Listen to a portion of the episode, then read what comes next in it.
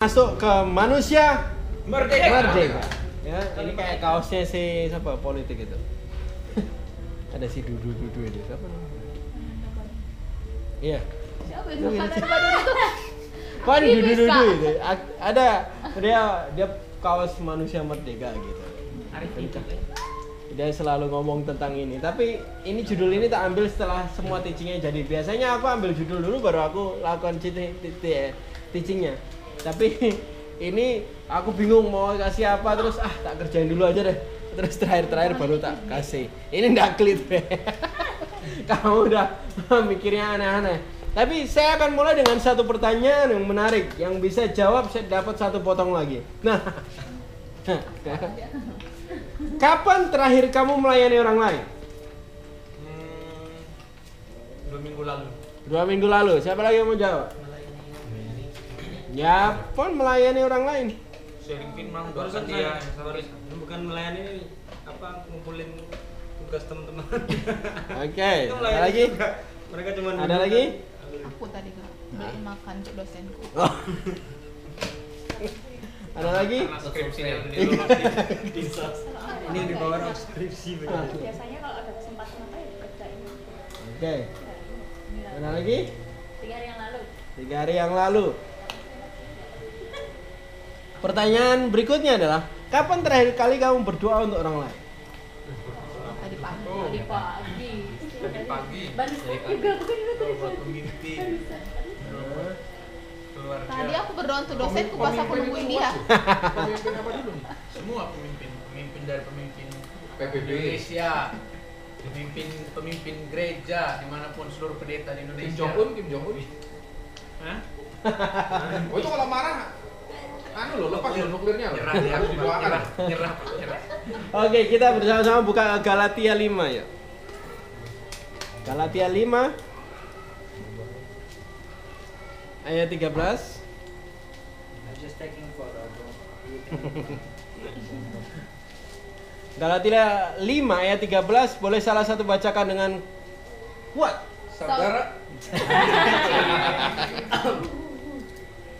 Saudara-saudara, memang kamu telah dipanggil untuk merdeka, tetapi janganlah kamu mempergunakan kemerdekaan itu sebagai kesempatan untuk kehidupan dalam dosa, melainkan layanilah seorang akan yang lain oleh kasih. Saudara-saudara, kamu dipanggil untuk menjadi Merdeka. merdeka. Artinya kamu dipilih, di sedang diomongin Tuhan dengan firman-Nya untuk ditarik menjadi merdeka. Ingat yang datang kami siapa? Yang datang kami katakan amin. Amin. Saya sedikit bicara tentang bangsa Israel. Ketika mereka keluar dari tanah Mesir sampai padang gurun, mereka jadi manusia yang merdeka. Tapi lucunya mereka sa- tidak sadar terhadap kemerdekaan itu. Nah, yang pertama yang kita mau lihat dari ayat ini adalah memastikan bahwa kita kembali ingatkan diri kita bahwa kita adalah manusia merdeka. Merdeka dari apa? Dosa. Dari apa lagi? kematian Maut, kematian, kutuk.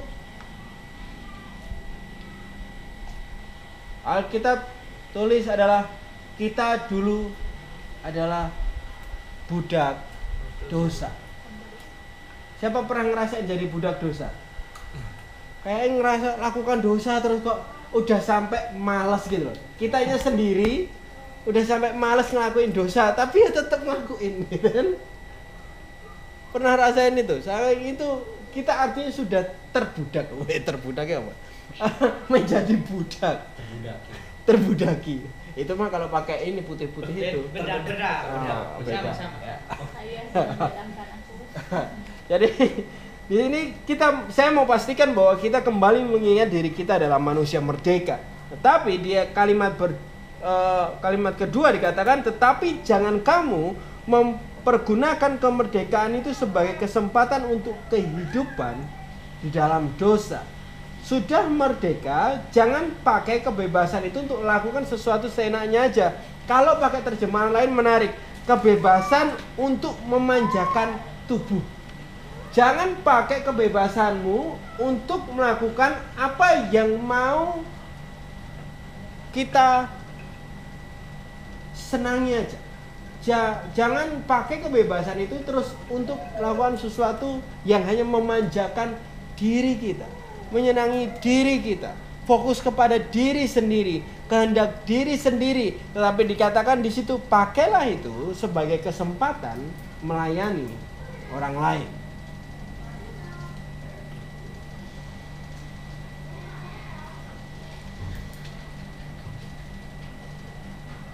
Terkadang kita nggak sadar bahwa kita sudah bebas yang pertama ya. Yang kedua adalah terkadang kita nggak sadar kalau kita memakai kebebasan itu seenaknya aja dan hanya untuk mengejar sesuatu untuk diri kita sendiri. Padahal Bapak Ibu Saudara semua kita dimerdekakan untuk memerdekakan. Karena satu-satunya orang yang bisa memerdekakan seseorang atau membebaskan seseorang adalah orang yang bebas. Itulah kenapa Tuhan pakai Musa. Karena Musa bukan budak. Itulah kenapa Tuhan pakai Bapak Ibu Saudara untuk teman-temanmu yang masih di dalam dosa. Kenapa Tuhan pakai hidupmu untuk saudara-saudaramu yang masih ada di dalam dosa? Karena engkau sudah bebas, tapi mereka belum. Dan hanya orang yang bebas yang dapat membebaskan. Hanya orang merdeka yang dapat memerdekakan. Memang sifat kemanusiaan kita sangat mudah untuk membawa kita dalam penyalah, penyalahgunaan kemerdekaan. Kedagingan kita itu selalu akan membawa kita, menggiring kita, melihat apa yang bisa kita lakukan untuk diri kita sendiri. Sederhananya, sederhananya gini gambarannya. Sometimes kita punya free time, betul? Yang wah bebas lah kita, tugas sudah selesai, skripsi sudah selesai, gitu kan? Misalnya nggak ada tugas kantor lagi misalnya Pak atau yang bekerja nggak respon free udah bebas di situ apa yang kita lakukan? Apakah hal yang efektif atau yang hanya memanjakan diri kita itu contoh kecilnya tetapi yang besarnya adalah kita sudah dibebaskan dari semua kutuk dan ikatan dosa itu. Dan ketika sudah bebas Apakah di situ kita cuma mau memanjakan diri kita? Kita memakai kebebasan yang kita tahu dari firman Tuhan ini hanya untuk memanjakan diri kita. Alkitab katakan kamu salah berdoa karena itu cuma memuaskan nafsumu, keinginanmu, hal-hal yang cuma memanjakan ke dirimu sendiri.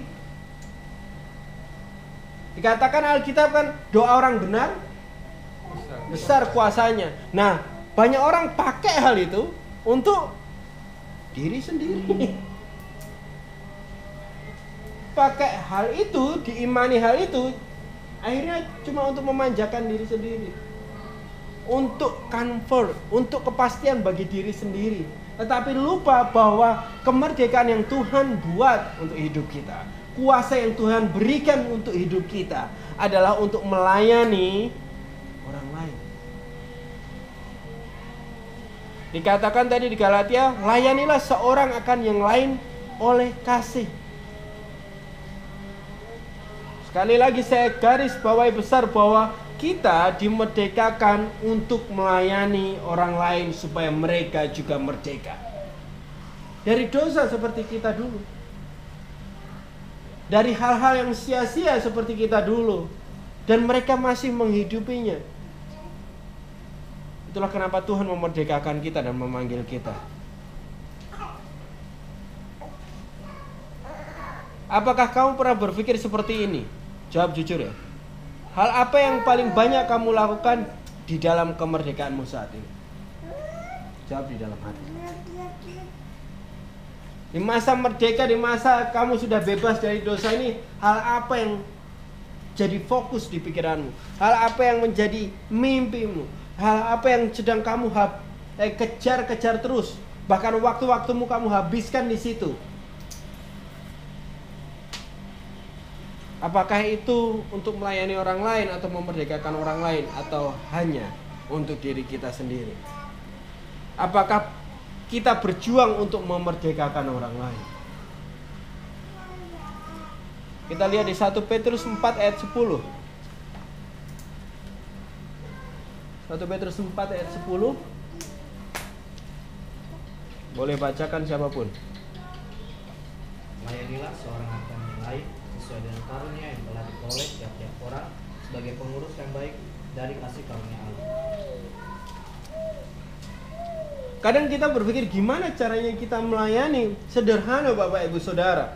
Ayat ini sangat bagus sekali untuk kita bisa paham bahwa Ketika kita melayani orang lain hai- Pakailah karunia yang Tuhan sudah berikan kepada hidup. Pakailah apa yang Tuhan sudah anugerahkan ke dalam hidupmu Ke tiap-tiap orang sebagai pengurus yang baik dari kasih karunia itu Coba lihat ayat 11. Bacakan ayat 11. Jika ada orang yang berbicara, baiklah ia berbicara sebagai orang yang menyampaikan firman Allah. Jika ada orang yang melayani, baiklah ia melakukannya dengan kekuatan yang dianugerahkan Allah, supaya Allah dimuliakan dalam segala sesuatu, karena Yesus Kristus. Dialah yang punya kemuliaan dan kuasa sampai selama-lamanya. Banyak orang ketika melayani orang mencoba untuk membawa orang itu dalam kemerdekaan yang pada akhirnya kita lelah. Karena sebenarnya kita lebih banyak pakai kekuatan kita sendiri. Tapi ayat 11 mengatakan bahwa pakai kekuatan yang dianugerahkan ke kita. Kekuatan yang sudah diberikan itu kepada kita. Pertanyaannya adalah apakah kekuatan itu yang sudah dianugerahkan kepada kita? Siapa yang tahu? Roh Kudus ada lagi yang bilang? Ada lagi? Roma 7 ayat 6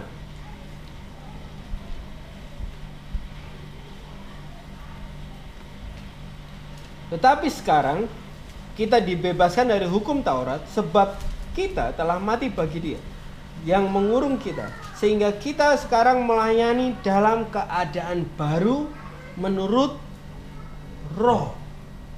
Garis bawah itu keadaan baru dan nggak yang pakai dulu-dulu menurut roh Tuhan. Dan bukan dengan keadaan lama menurut hanya hukum Taurat saja. Makanya sekarang nggak ada orang melayani yang seperti imam-imam pada hukum Taurat itu. Yang kita harus pakai jubah dengan warna-warna apa dan harus oh, pakai topi yang gimana. Kita sudah tidak melayani orang dengan cara seperti itu. Tetapi kita adalah manusia baru katakan amin. Kita adalah manusia merdeka yang baru yang sudah melayani dengan roh. Menurut roh dikatakan ayat ini alias ngikuti caranya roh kudus kalau teman-teman ingat apa arti baptisan air Baptizo. Ya, itu bahasa aslinya maksudnya. Baptisan air itu melambangkan apa? Kematian kepada hidup yang lama. Oke, ada lagi? Balik 100. Penyucian ada lagi? Balik 100. Berbalik 180 derajat Derajat. atau 360. 170. Balik lagi. Balik. Lah kok itu lagi? Aduh, di korban malu. Ayo. Orang Indonesia. Catat baik-baik, baptisan air itu melambangkan pertobatan. Tapi baptisan Roh Kudus itu bicara soal melengkapi untuk melayani. Makanya Tuhan bilang jangan ke mana-mana dulu sebelum aku kasih Roh Kudus. Karena kamu belum lengkap untuk melayani. Makanya kisah Rasul 1 ayat 8 siapa yang hafal? Ini harus apa? Kau akan menerima kuasa kalau Roh Kudus turun ke atas kamu untuk menjadi saksi untuk melayani. Dia akan memberikan itu untuk perlengkapan kita untuk melayani. Bisa nggak kita melayani tanpa Roh Kudus? Bisa, tapi kita masih melayani dengan hukum lama. Kalau dengan Roh Kudus, kita melayani dengan sesuatu baru, keadaan yang baru. Gitu. Roh Kudus itu bicara tentang kuasa. Roh Kudus itu bicara soal pimpinan atau direksi atau arahan. Dan Roh Kudus itu bicara tentang kebenaran.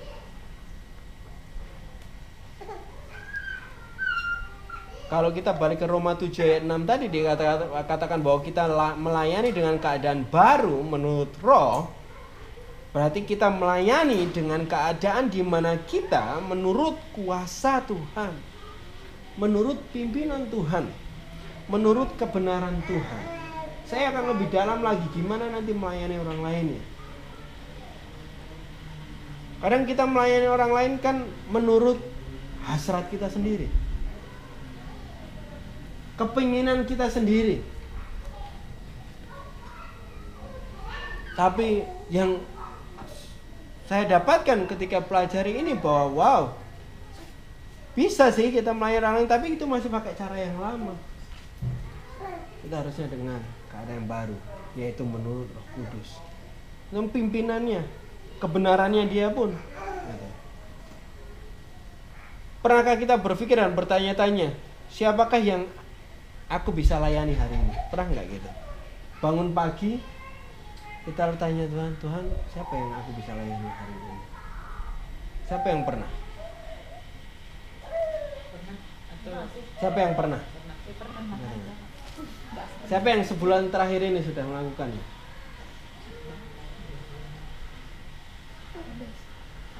ada. Bangun pagi dan bilang Tuhan aku mau ketemu deh satu orang yang bisa tak layani. Ada nggak sebulan ini Dua bulan ada dua bulan terakhir. Ada? Ada penawaran. ada penawaran. Oke, dua bulan terakhir bungkus. Enggak. Lagi Ada yang mau di atas berapa ya mas?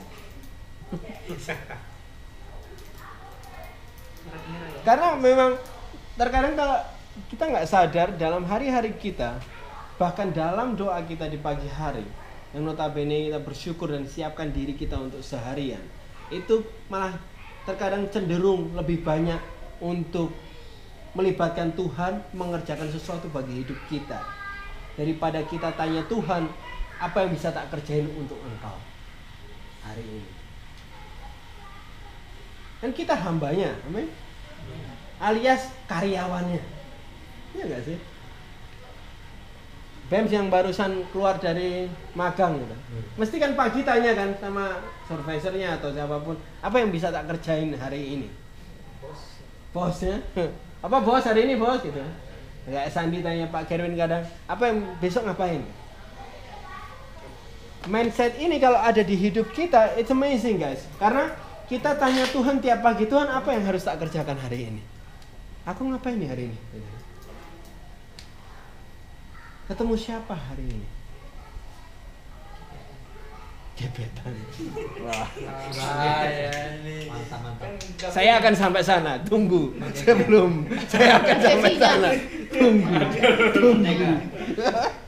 Aku cuma kasih ya spoiler. Kak. Cuma kasih spoiler. Terkadang tanpa sadar dalam kemerdekaan kita kita lebih menantikan mujizat bagi diri kita sendiri daripada mujizat bagi orang lain. Di dalam doa-doa kita itu lebih banyak mujizat buat diri kita sendiri. Ber- apakah mujizat bagi orang lain masih kita rindukan dalam doa kita? Sampai mujizat terjadi kita berdoa untuk orang itu. Kita ke Markus 10 ayat 45. Saya nggak pakai ayat-ayat yang asing bagi teman-teman. Karena malam hari ini Tuhan kasih saya lebih pada Tuhan mau refresh kita hari ini untuk kembali kepada apa yang seharusnya kita lakukan. Markus 10 ayat 45.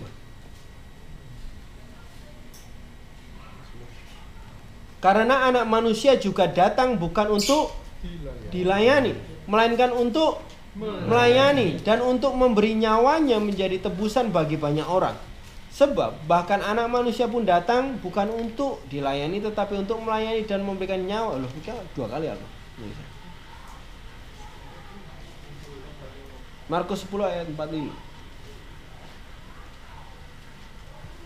Di mana hati kita melayani atau dilayani?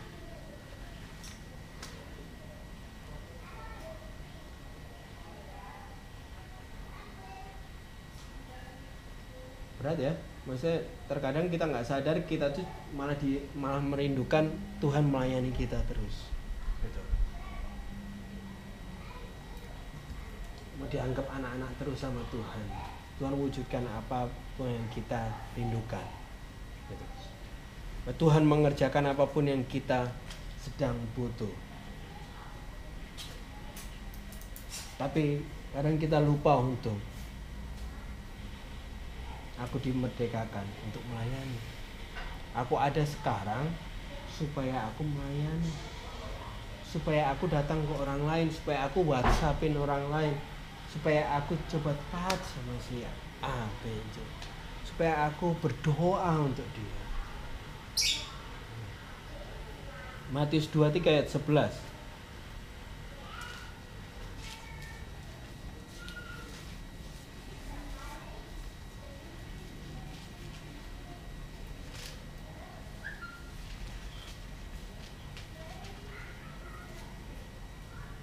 Salah satu boleh bacakan? Barang siapa terbesar di antara kamu, hendaklah ia menjadi pelayanan. Pelayan. Pelayanmu. Katakan amin. Jadi barang siapa mau jadi terbesar di antara kamu, hendaklah ia menjadi pelayanmu. Sekarang konsep ini akhir-akhir ini lebih bergeser. Walaupun mereka ngomong untuk melayani, tetapi sebenarnya mereka rindukan dilayani. Dalam arti seperti ini. Selalu pengen jadi yang pertama, selalu pengen jadi yang terbaik, pengen jadi hamba Tuhan yang terbaik, pengen jadi penginjil yang terbaik, pengen jadi orang Kristen yang terbaik. Tapi lupa kalau Tuhan Yesus itu melihat orang yang terbaik itu adalah siapa yang melayani di kaki. Bahkan kata pelayanmu ini adalah kalau diartikan gamblang itu budakmu.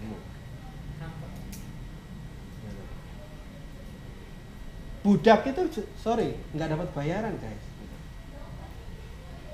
Kenapa saya bilang sekarang banyak orang melayani tapi sebenarnya hatinya dilayani karena mengerjakan sesuatu untuk Tuhan berharap Tuhan berkati hidupnya. Is it kita akan tetap melayani Tuhan walaupun Tuhan nggak berkati? Pertanyaan itu datang ke hidup kita. Kalau Tuhan sama sekali nggak kasih kita makan apa kita tetap melayani orang lain? Wah itu pertanyaan datang ke diri saya. Tapi ini sebenarnya hal itu sampai sifat melayani itu sifat budak. Waktu saya mencoba untuk merenungkan, ini kan udah dapat ini sudah sekitar empat hari lima hari lah. Tapi saya coba merenungkan melayani sesungguhnya seperti apa. Dan saya renungkan waktu kemarin renang. Sambil renang itu di kepala dan hati ya sambil merenungkan. Ini ya 100 meter gini terus gitu kan.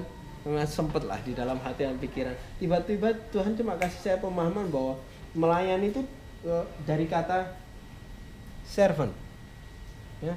Jadi seorang pelayan. Tahu nggak orang siapa yang pernah jadi wait, waiters di sini? Ya. ya ngelayani yang apa mereka butuhin kan yang mereka butuhkan itu apa itu yang kita layani Terkadang kesalahan yang sering kita lakukan adalah kita melayani orang lain untuk apa yang kita butuhkan. Tahu maksudnya nggak? Yang kita butuhkan adalah aku jadi orang Kristen yang bersaksi. Aku jadi orang Kristen yang melakukan firman Tuhan. Sehingga aku layani orang lain. Tapi kita nggak melihat sebenarnya apa yang dia butuhkan dan kita benar-benar serve dengan rendah hati untuk apa yang aku bisa tolong. Berjuang untuk kemajuan orang lain. Dan aku dapat pemahaman ini waktu renang kemarin.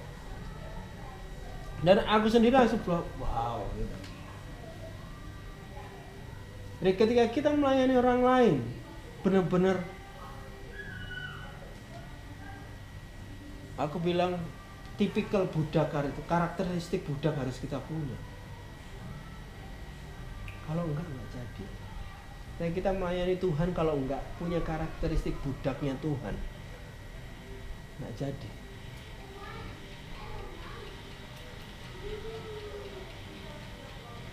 Sifat melayani sama dengan kalau dari situ ya berjuang untuk kemajuan orang lain mati-matian. Sekarang kita melayani orang lain untuk kemajuan kita sebenarnya. Untuk nama kita sebenarnya. Untuk kita dilihat pemimpin, kita melayani orang lain. Gitu ya. I I'm take care of somebody.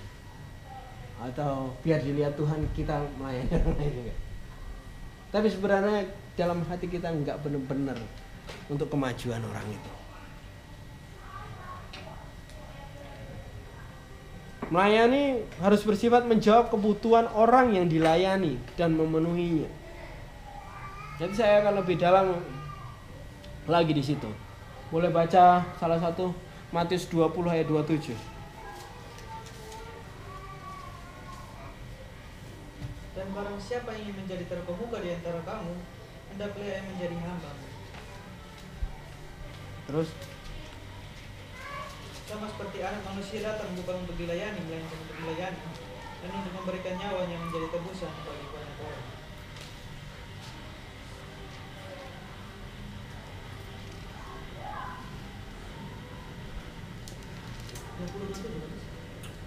Iya, Matius 20 ayat 27. Ya, dan barang siapa yang ingin menjadi menjadi terkemuka di antara kamu, hendaklah ia menjadi hamba. Itu ya. Terjemahanku agak beda ya. Oke. Jadi di sini tahu ceritanya ini. Kalau lihat perikopnya tahu nggak ceritanya? Mereka lagi berdebat siapa.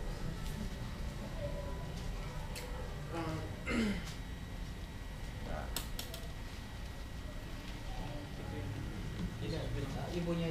Nah, salah kan? Kan Padahal kalian buka Alkitab makanya loh. Kok kayaknya aku salah? Karena setahu gua ayat ini bukan yang Petrus ngomong tersiapa yang terbesar. Yang ibu Yang ibunya ngomong Tuhan Yesus bisa nggak anakku nanti jadi yang itu kayak nah.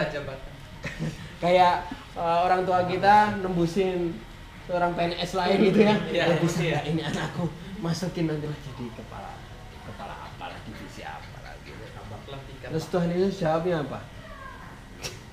Eh?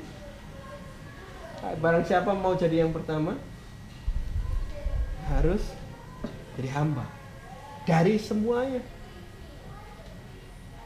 Nah kalau kita kan lebih lebih tadi yang aku bilang lebih sering kita mau jadi good Christian. Goalnya itu kita melayani orang supaya kita jadi good Christian. Jadi orang Kristen yang melakukan kehendak Tuhan. Which is itu kelihatan baik. Tapi dari sini aku belajar bahwa kalau melayani orang lain itu orang lainnya sampai ke tanah kanaan dan bebas. Itu tujuan kita. Amin. Kita nggak dianggap nggak apa-apa. Orang nggak kenal kita nggak apa-apa. Kalau orang punya mental kayak gini, aku rasa nggak akan terlalu banyak posting lah di sosial media. Karena banyak orang sekarang melayani banyak posting di sosial media apa yang mereka lakukan. Bahkan sangat sering itu tanpa sadar mereka sebenarnya cuma mau memperlihatkan apa yang mereka lakukan. So they look good Christian. Sekali lagi saya garis bawahi kalau namanya melayani orang lain itu bukan tentang kita, tapi tentang orang yang dilayani untuk dia merdeka. Kita udah merdeka, amin. Kita udah diberkati. Kita udah Kristen. Jadi un- ketika kita melayani, enggak buat kita jadi good Christian, tapi buat orang lain juga Kristen. Buat orang lain juga merdeka.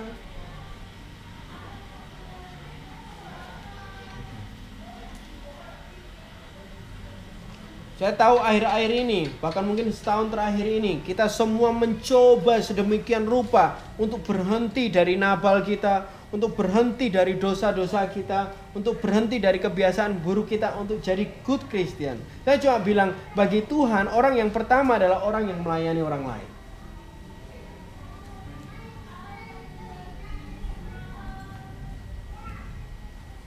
Ini terlihat di situ. Itu tuh ibunya kayak ngomong, "Kok anakku jadi yang anu ya? Anakku baik udah sama kamu lama jadi jadi yang enggak ini." Ya, siapa pun yang mau jadi pertama adalah orang yang melayani yang sekalian. Itu sama dengan di mata Tuhan, orang yang luar biasa itu di mata Tuhan, Kristen yang luar biasa itu adalah Kristen yang melayani orang lain yang memajukan kehidupan orang lain, yang memerdekakan orang lain, yang membawa orang lain dari kebiasaan buruk jadi punya hidup. Dari orang lain yang desperate, dia jadi punya hope, harapan. That's the way God see us as Christian. Caranya Tuhan lihat kita. Membawa orang ke dalam kemerdekaan dengan membawa mereka ajar mereka cara dan jalan untuk merdeka dari hidup kita. Saya masuk di bagian yang agak praktikal di sini. Kita mulai dari 2 Korintus 5 ayat 11. Salah satu boleh bacakan yang cewek ya sekali sekali kali. Hmm. Ayat 11.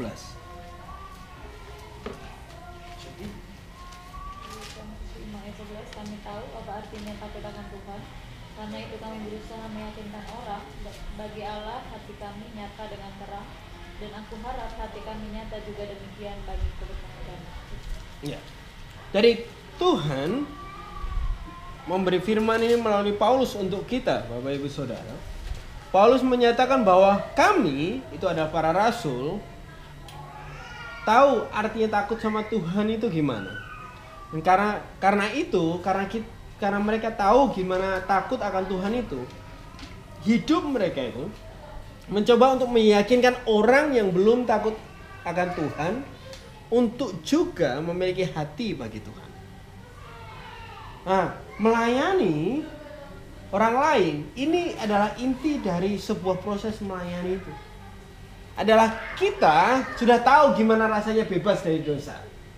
Ya kan? Sudah tahu gimana kita bisa berjalan di dalam kesusahan tetap dalam sukacita. Kita udah tahu cara.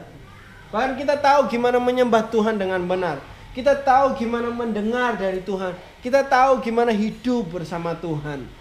Dan karena kita tahu hal itu, harusnya itu akan membuat engkau bergerak bagi orang lain untuk meyakinkan orang lain juga merasakan hal yang sama. Bukan hanya membuat orang lain supaya jadi kreditnya kita. Tahu nggak arti itu? Maksudnya jadi list di Tuhan oh ini ditobatkan oleh Sandi gitu. Ya. Misalnya Gea diinjil oleh Sandi. Lima ribu. Jadi Itu anak rohaniku loh. Wis dikapling-kapling. oh, iya. Oh dia hasil penginjilanku loh itu. Dan untuk kreditnya kita. oh yang dia Aku yang murtad. Malah itu. Itu kayak dihitung kalau yang Temuan baru. Itu mau bagian dia. Nah, yang mau saya garis bawahi di sini adalah berusaha meyakinkan orang terhadap apa? Terhadap apa yang udah dimengerti oleh para rasul terhadap Tuhan. Nah, melayani orang lain itu adalah sebenarnya semua segala proses untuk meyakinkan mereka bahwa mereka perlu merdeka. Mereka perlu berhenti dari hidup yang lama. Ada hidup yang lebih baik, ada hidup yang lebih berpengharapan. Ada hidup yang penuh dengan sukacita. Ada hidup yang tidak seperti yang mereka punya saat ini. Dan karena kita sudah hidup di yang hidup benar, kita meyakinkan mereka untuk hidup benar. Dikatakan di situ mereka berusaha. Bagi Allah hati kami nyata dengan terang dan aku berharap hati kami nyata juga demikian bagi pertimbanganmu dalam bahasa Inggris ini lebih baik karena dia akan biarlah apa yang kami rasakan ini untuk kamu mau jadi kayak kami ini ini adalah hal yang nyata dari Tuhan. Jadi dia sedang dorong bahwa harus kalau kami sudah berusaha untuk meyakinkanmu biarlah mereka juga meyakinkan orang yang lain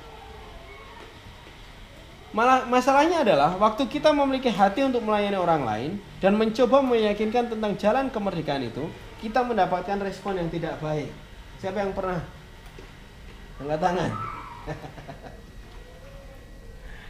Dijutekin gitu. Judesin. Digilain. Ya. Eh, saya mau kasih sedikit caranya Bapak Ibu Saudara. Supaya orang nggak ilfil sama kita. Ya. Yang kita mulai dari sini. 1 Timotius 1 ayat 18. Ini buat nyaman. Ayat 18. Salah satu boleh bacakan.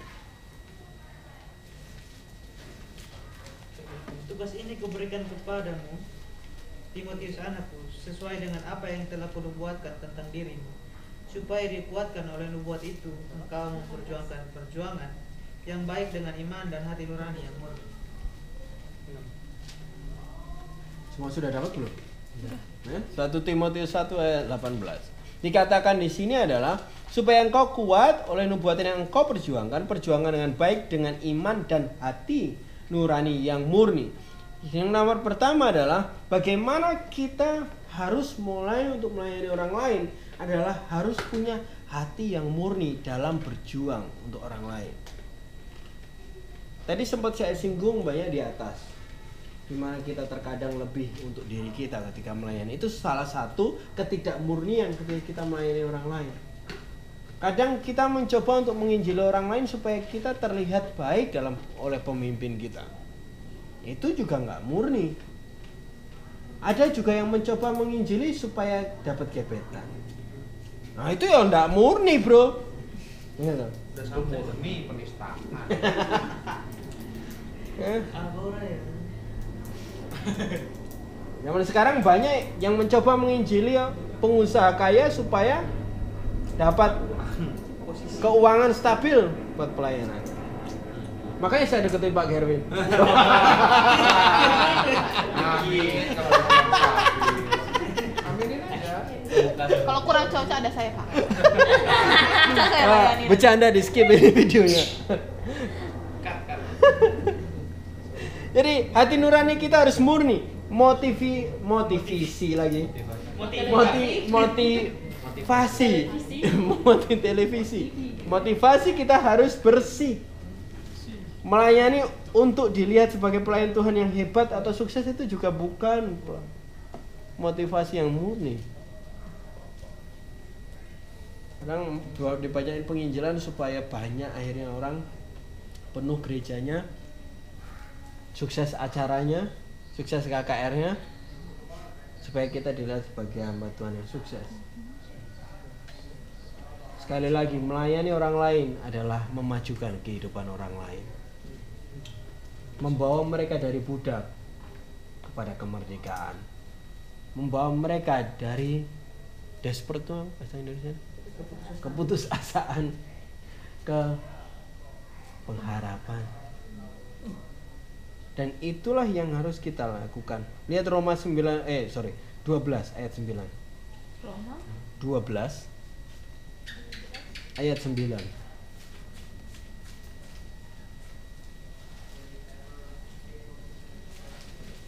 Hendaklah kasih itu jangan pura-pura. Jauhilah yang jahat dan lakukan yang baik. Kasih yang tidak pura-pura di dalam perahu. Pura-pura. Oh, itu pura-pura. Ya, jangan pura-pura. Bukan kejahatan dan bukan keuntungan yang kita cari sendiri. Bahkan kasih di sini dikatakan agape. Jadi harus muncul dari agape yang nggak bisa lihat kalau aku nggak bisa lihat kalau dia terus hidup di sini. Yang buat kamu nggak bisa tidur kalau masih ingat sahabatmu itu kok masih hidup. Desperately untuk nolong orang ini. Pernah nggak? Orang yang banget banget kalian sayangi lagi sakit ya? Dan sekarat. Dan sorry hampir mati. Bahkan tidur pun kamu nggak bisa berhenti untuk bayangin mereka. Nah, terkadang kita li kita gagal melihat itu di kehidupan orang yang belum merdeka. Sebenarnya rohani mereka seperti itu teman-teman. Dan kehidupan mereka lagi ngarah ke kebinasaan itu. Dan mata saya kalau lihat orang muslim itu pasti kayak gitu. Nggak pernah berhenti. Nggak mereka menuju kebinasaan. Kepada orang-orang Kristen KTP mereka menuju kehidupan kehidupan yang kebinasaan. Itu membuat nggak bisa tenang. Kasih itu harus bergerak. Melayani dan menginjil supaya kita dilihat untuk melakukan firman itu bukan agape yang benar. Agape yang pura-pura. Tapi Roma bilang jangan pura-pura. Selain kasih yang murni kita lihat di kisah Rasul 18 ayat 28 dicatat aja saya bacakan kisah Rasul 18 ayat 28 Sebab dengan tak jemu-jemu ia membantah orang-orang Yahudi di muka umum dan membuktikan dari kitab suci bahwa Yesus adalah Mesias. Tadi yang pertama adalah harus mulai titiknya dengan hati nurani, hati kita yang murni, motivasi motivasi. Motivasi kita murni, suci. Yang kedua adalah harus halus harus dengan kitab suci perlu minum nggak ini lidahku sudah mulai lemah Hmm? ini adalah sebuah ayat di mana contoh bagaimana sih mereka memakai ayat-ayat firman suci untuk memastikan penginjilan mereka. Nah, kita harus memakai juga firman Tuhan. Nggak cuma bahasa-bahasa motivasi. Bahasa-bahasa yang enak didengar. Bahasa-bahasa yang melegakan hati. Itulah kenapa di sini juga pengajarannya semua harus pakai ayat.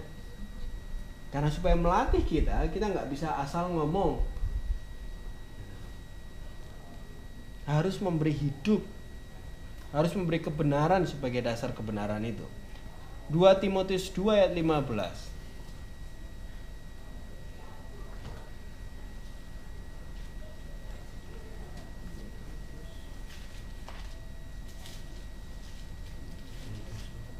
2 ayat 15 Salah satu boleh bacakan? Usahakanlah supaya engkau layak di hadapan Allah sebagai seorang pekerja yang tidak usah malu dan berterus terang memberitakan perkataan kebenaran itu. Usahakan ya, supaya engkau layak di hadapan Tuhan Seorang pekerja yang layak yang dikatakan di situ yang enggak yang enggak malu untuk terus terang terhadap kebenaran yang ada. Ini artinya gini, ketika kita melayani dengan firman Tuhan, kita nggak usah sungkan-sungkan juga. Cuma hanya mengatakan hal-hal yang enak didengar saja. Kebenaran firman Tuhan harus berani untuk kita nyatakan bahwa this love. Aku mengatakan ini karena aku mengasihi kamu. Berhentilah dari seksual immorality itu. Karena firman Tuhan bilang ini mungkin keras tapi inilah harus berhenti dari mendendam berhenti dari ini harus berani nggak usah malu dalam bahasa Inggrisnya do your best to present yourself to God as one approved a worker who does not need to be dan who correctly handle the word of God dan di dalam bahasa Inggris yang paling kedua luar biasa bagaimana kita bisa correctly handle firman Tuhan yang baik. Ini perlu skill. Pernah ingat firman Tuhan bilang firman Tuhan itu seperti pedang bermata dua. Banyak salah tafsir adalah dikira pedangnya bermata dua terus satu untuk jemaat, satu juga kepada gembala tuh atau hamba Tuhan. Jadi ketika saya sampaikan ini, saya juga kena. Nah, loro kabeh. Mantu dong.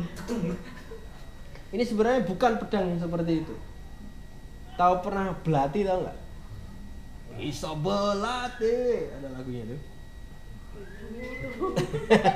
ciptaan sendiri Ciptaan sendiri. Ada kok itu. Iya, gitu kan. Iya. Jadi pis- modelnya kayak pisau belati itu, tapi matanya ada dua. Dia bentuknya begini. Pernah lihat nggak pisaunya? Iya. Set, gitu. Matanya di Itu pemikat. Iya. Seorang panglima atau tentara pada waktu itu pasti punya pedang yang panjang sama pedang yang pendek. Dan tentara semua punya pedang itu. Gunanya sebenarnya bukan untuk jarak jauh, enggak. Jeng, jeng, jeng. pakai kecil gitu ya mati gitu. Yang. Jadi panjang tapi waktu dia mendekat dia pakai yang pendek. Langsung ditikam. Langsung ke hati. Makanya disebutkan dia akan memisahkan daging. Dia langsung masuk dan orang yang bisa pakai pisau itu dengan cara yang benar, teknik yang benar, itu benar-benar orang yang udah terlatih. Dia bisa nusuk benar-benar langsung ke hatinya. Kalau enggak enggak enggak mati malah bahaya itu udah deket banget mereka gitu kan. Tentara-tentara yang sudah langsung bisa pakai benda itu adalah orang-orang yang udah terlatih tahu nusuknya posisinya gimana dan langsung biasanya sebelah sini atau sini. Gitu. Kalau sini dia agak miring ke bawah, kalau sini dia harus lurus. Jadi itu sudah terlatih. Di sini katakan bahwa who correctly handle the word of God. Siapa yang benar-benar bisa mempergunakan pisau itu dengan benar. Makanya perlu latihan, perlu baca firman Tuhan dengan benar, dengan banyak supaya ketika kita masukkan firman Tuhan ke kehidupan seseorang, itu benar-benar memisahkan hati, jiwa, daging mereka. Amin. Jadi firman Tuhan yang kita pakai nggak cuma firman Tuhan gampangan yang kayak mereka pernah dengar di mana gitu ya.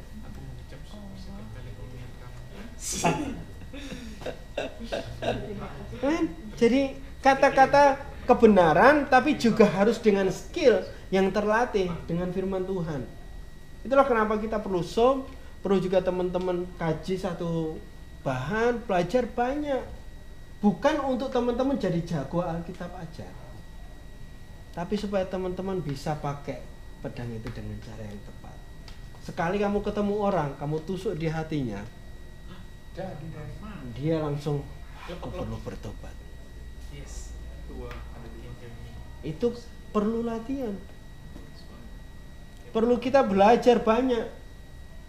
Kalau teman-teman cuma belajar cuma untuk berkhotbah, saya kasih tahu, lama-lama malas kalian belajar. Karena nggak ada jatah khotbah. Oh, aku udah belajar banyak kok. Aku nggak disuruh sharing-sharing ya. Gitu. Piye gitu. Pernah ngerasain nggak? Pernah.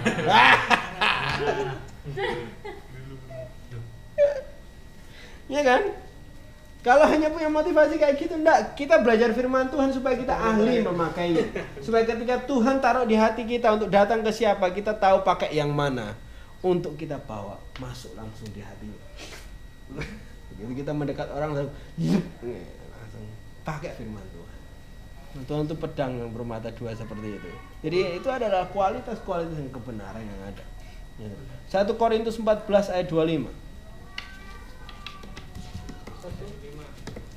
Korintus 14 ayat 25 ya Ben, baca Ben.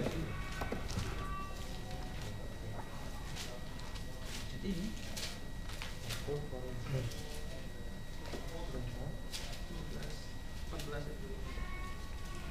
Dua belas. 14. Jadi.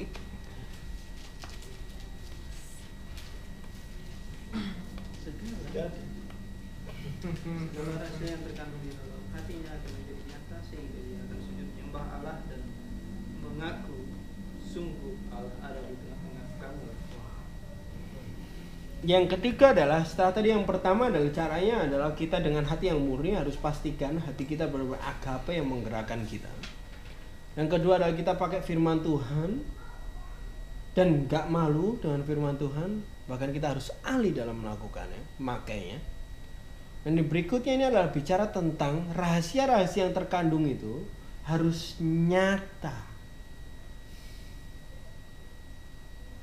Kalau udah nyata, orang tuh nggak bisa benar-benar nangkal karena ada buktinya, kenyataannya. Ini bicara tentang kesaksian hidup kita. Di situ dituliskan bahwa mereka bahkan nggak bisa, mereka langsung sujud karena apa yang diomongkan itu nyata dan benar-benar ada. Rahasia kebenaran yang menjadi nyata itu tidak dapat disangkal. Itu baik-baik, nggak bisa. Ya, Makanya ada kesaksiannya. Hati yang murni membawa kita ketemu orang. Kita pakai firman Tuhan yang benar, firman Tuhan itu ada hal nyatanya lagi. Wah, udah. That's the power. Wahyu 12 ayat 11 coba. Wahyu 12 ayat 11. Edan baca dah. Setelah kejadian ya. Iya. Revelation 12 11.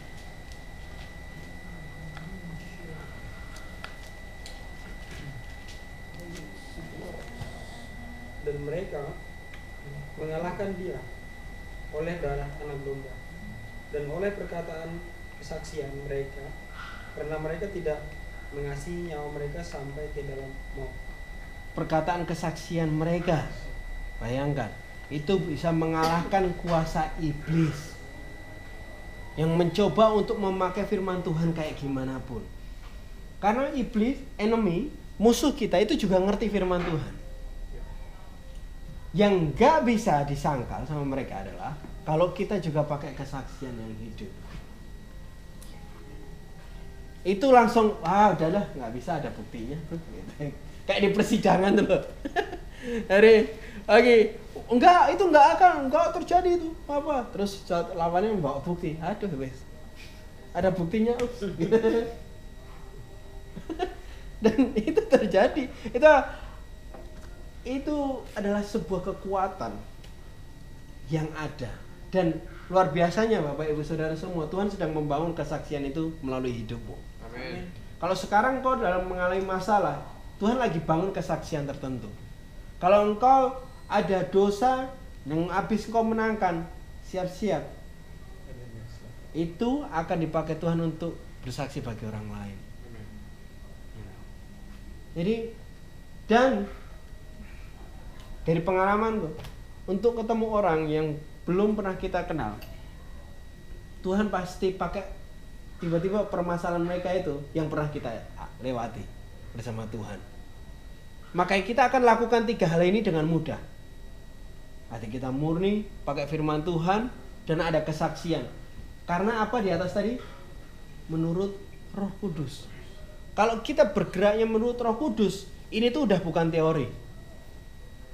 Tapi kalau kita cuma mau jadi Kristen-Kristenan yang melakukan jadi Kristen yang baik, ini akan jadi metode-metode tok. Yang kita ingat-ingat terus, ah, habis ini aku harus ini. Habis ini aku harus ngomong ini dan harus gini. Waktu salah satu waktu aku searching kemarin soal gimana cara bersaksi, iseng aja aku itu.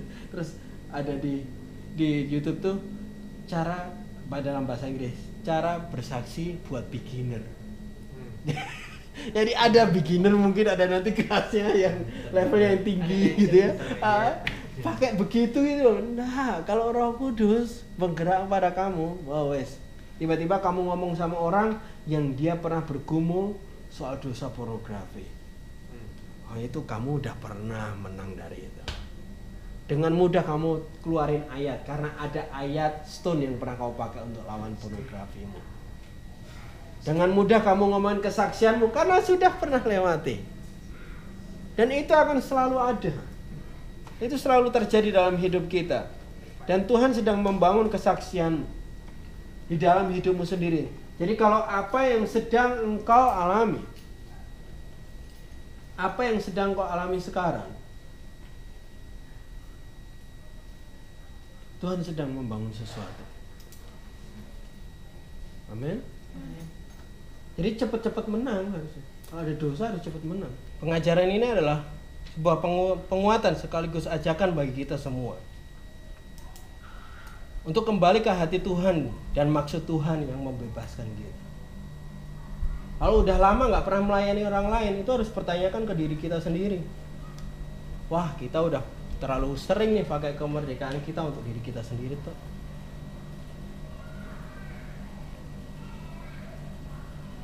Karena sebenarnya kita harus kembali bahwa maksud Tuhan membebaskan kita, memberkati kita, menyehatkan kita. Untuk kita melakukan hal yang sama bagi orang lain.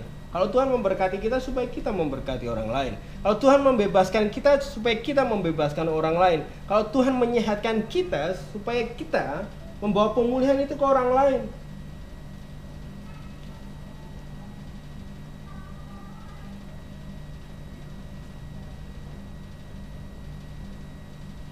Membawa Tuhan Yesus untuk mereka seberapa sering.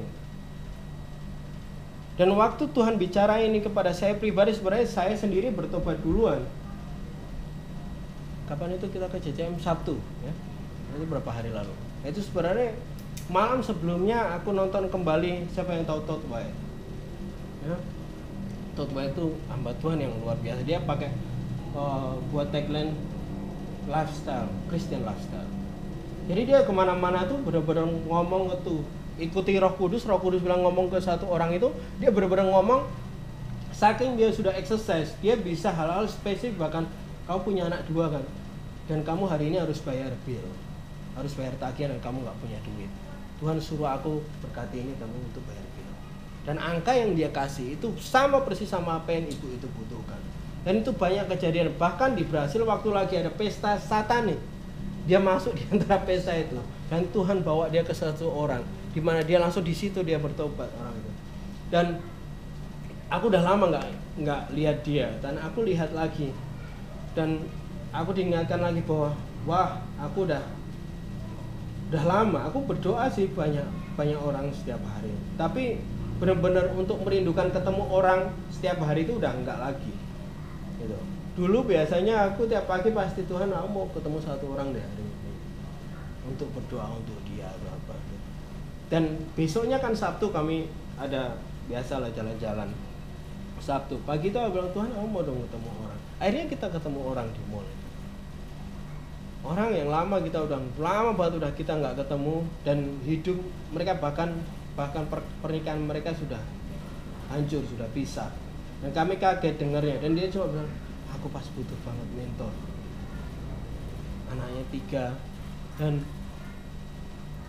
cuma ada satu penyesalan di mana aku, aku mulai nggak terlalu peka waktu itu. Jadi kami cuma ngobrol aja tanpa mendoakan di terakhir. Jadi begitu kami udah pisah udah agak lama baru aku bilang ah, kenapa kita nggak doakan? Jadi si bapak ini sama anak-anaknya aja hangout gitu. Karena istrinya meninggalkan mereka. Jadi dan di situ mulai terlatih. Aku mulai akhirnya karena sudah lama tidak melakukan itu kayak saya perlu exercise lagi. Kemarin waktu renang ada satu bapak-bapak yang aku bilang Vera kayaknya kalau aku nanti tua kayak dia gitu. Tatuan anaknya segede Prince gitu ya. Ah, suka renang gitu. Masuk renangnya luar biasa gitu ya. Mungkin aku tua kayak dia nih nanti gitu. Tapi dia kayaknya entah Kristen entah apa tapi tatunya di belakang ada oh Lord bla bla nggak terlalu kelihatan. Ya mungkin Amsal ya, atau Mazmur. Dan kita renang tak lihatin dia Tuhan taruh di hatiku bahwa dia sedang ada dalam kebingungan. Cuma karena keberanian itu kalau nggak di memang lama-lama jadi penakut memang. Dulu aku nggak pakai takut loh. Bener-bener kayak gitu langsung tak sapa. Tapi karena udah lama enggak itu aku harus exercise lagi loh berani nyapa orang yang nggak dikenal ya. Dan tap- tapi kemarin cuma tak sapa halo mas mungkin lah besok ketemu lagi aku kan. Halo om. Dan dia karena udah sering kali bareng sering papasan renangnya jadi agak familiar dia. Ayo monggo mas. Tapi eh, itu menunjukkan bahwa hal ini harus menjadi lifestyle kita dan kita harus selalu mulai harus bergerak harus selalu Roh Kudus menolong. Kalau enggak kalau sudah redup itu mulainya memang akan wah kayak kita nggak pernah fitness fitness lagi loh. Agak sakit agak kaku agak harus mulai dari awal lagi. Harus mulai dari mencoba lagi harus mencoba denger lagi gitu. Mencoba untuk gimana caranya. Kalau yang belum pernah malah ini saatnya kita mulai dari no yang sudah pernah dan mungkin meredup harus mulai lagi exercise lagi latihan lagi. Untuk dengar dari Roh Kudus datangi seseorang bahkan ngomong sesuatu yang membawa hidup bagi orang itu. Yang membebaskan orang itu. Ya. Jadi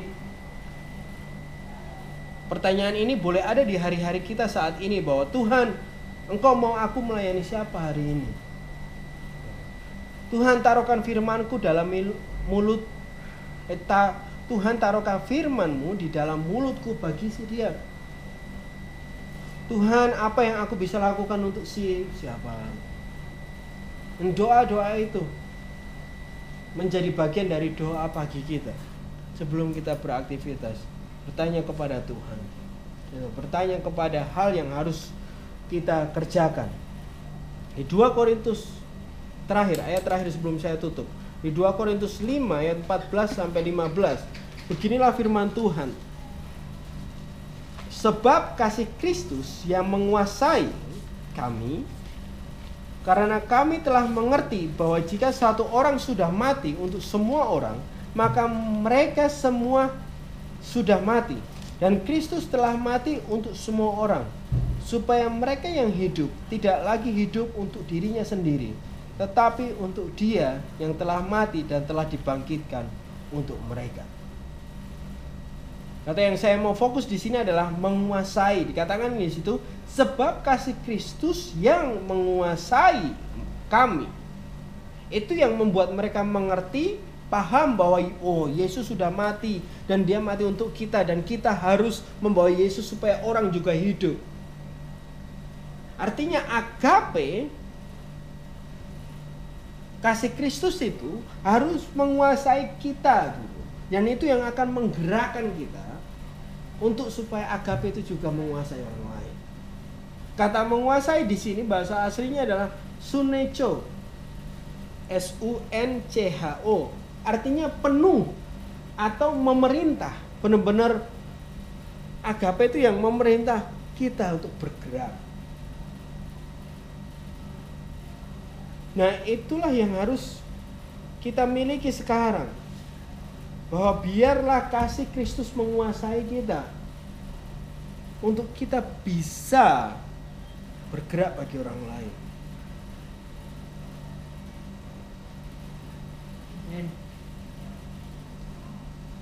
Melayani Tuhan setiap waktu dan setiap hari. Itulah yang mau menjadi poin saya malam hari ini. Kita bisa bilang dalam hidup kita, aku dimerdekakan supaya orang lain merdeka. Amin.